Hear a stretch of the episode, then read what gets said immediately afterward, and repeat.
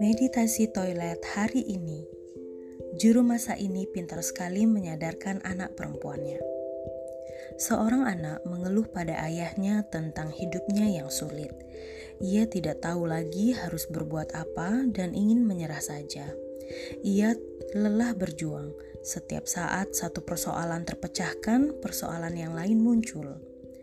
Ayahnya, seorang juru masak, tersenyum dan membawa anak perempuannya ke dapur.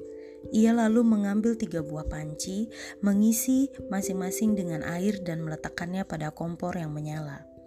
Beberapa saat kemudian air dalam panci-panci itu mendidih.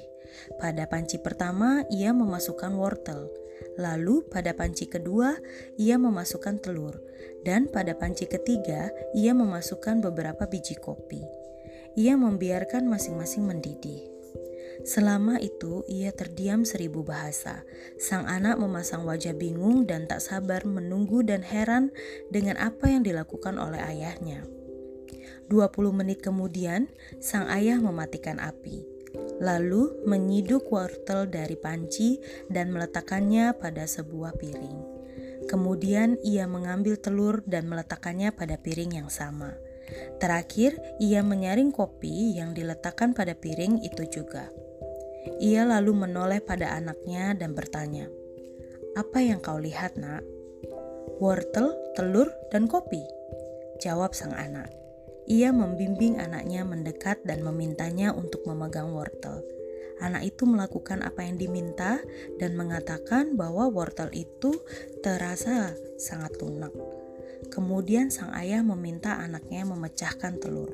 Setelah telur itu dipecahkan dan dikupas, sang anak mengatakan bahwa telur rebus itu kini terasa keras. Kemudian sang ayah meminta anak itu mencicipi kopi. Sang anak tersenyum saat mencicipi aroma kopi yang sedap itu. "Apa maksud semua ini, Ayah?" tanya sang anak. Sang anak menjelaskan bahwa setiap benda tadi telah mengalami hal yang sama, yaitu direbus dalam air mendidih, tetapi selepas perebusan itu mereka berubah menjadi sesuatu yang berbeda-beda. Wortel yang semula kuat dan keras setelah direbus dalam air mendidih berubah menjadi lunak dan lemah. Sedangkan telur sebaliknya yang semula mudah pecah kini setelah direbus menjadi keras dan kokoh. Sedangkan biji kopi tumbuh berubah menjadi sangat unik. Biji kopi setelah direbus malah mengubah air yang merebusnya itu. Maka yang manakah dirimu? Tanya sang ayah pada anaknya. Di saat kesulitan melangkah, perubahan apa yang terjadi pada dirimu? Apakah kau menjadi sebatang wortel sebutir telur, atau biji kopi. Respon Anda menentukan jenis pengalaman berikutnya yang akan Anda alami. Seringkali saya ditanya, bagaimana caranya untuk selalu berpikir dan bersikap positif, sementara pada saat kejadiannya kita bertindak dan berpikir negatif secara otomatis tanpa bisa dibendung. Ya, memang hal itu harus dilatih dan bukan hanya sekedar dilatih. Karena banyak orang yang sudah melatihnya bertahun-tahun tetap saja kembali ke perilaku lama.